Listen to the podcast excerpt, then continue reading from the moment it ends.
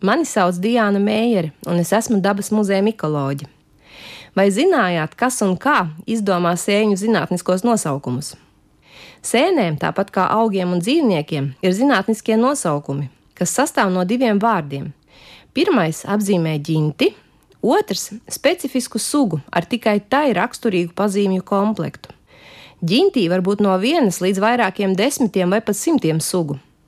Piemēram, Bērslapju ģints Latvijā ir pārstāvēta ar vairāk nekā simts sugām, bet uz vecu ozolu stumbriem augošā aknene savā ģintī pie mums ir vienīgā.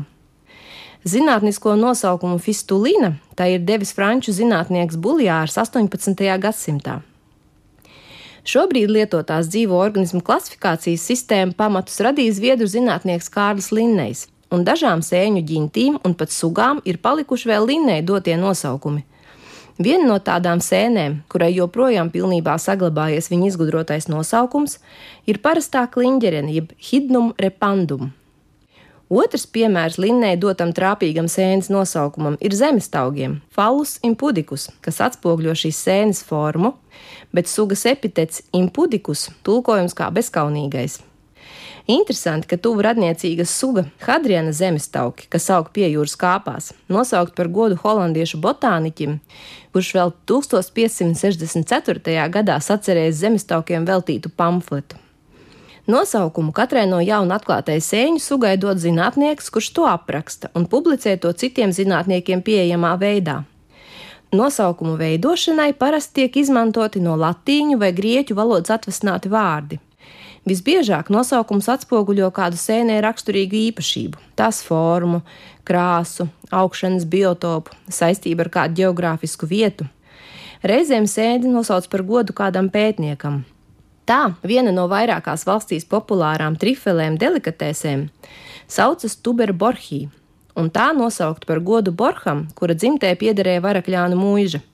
Savukārt Borgs, uzturoties Itālijā, bija ne tikai kaislīgs iežu un minerālu kolekcionārs, bet arī uzrakstīja vienu no pirmajiem plašākiem trifeļu pazemes sēņu aprakstiem. Tādēļ šī suga nosaukt viņam par godu. Minēšu dažus piemērus, kas ilustrē sēņu ģinšu un sugu nosaukumu nozīmi.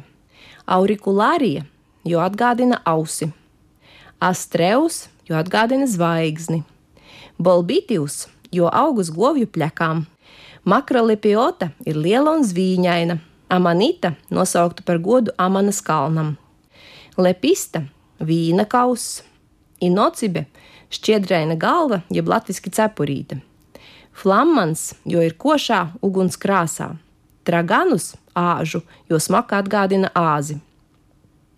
Tādā veidā, uzzinot sēnes zinātnisko nosaukumu, šo to par sēni mēs jau zinām.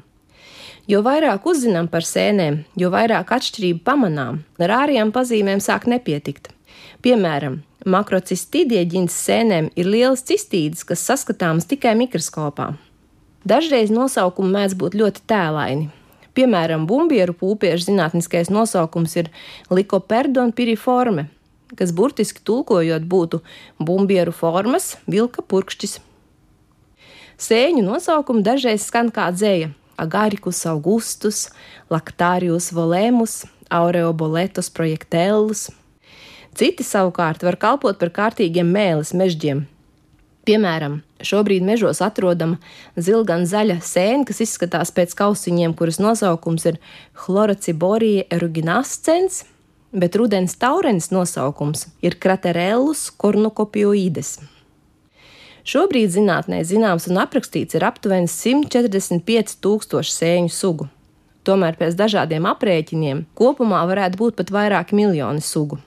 Tādēļ jaunu vārdu došana sēnēm tik drīz vēl nebeigsies.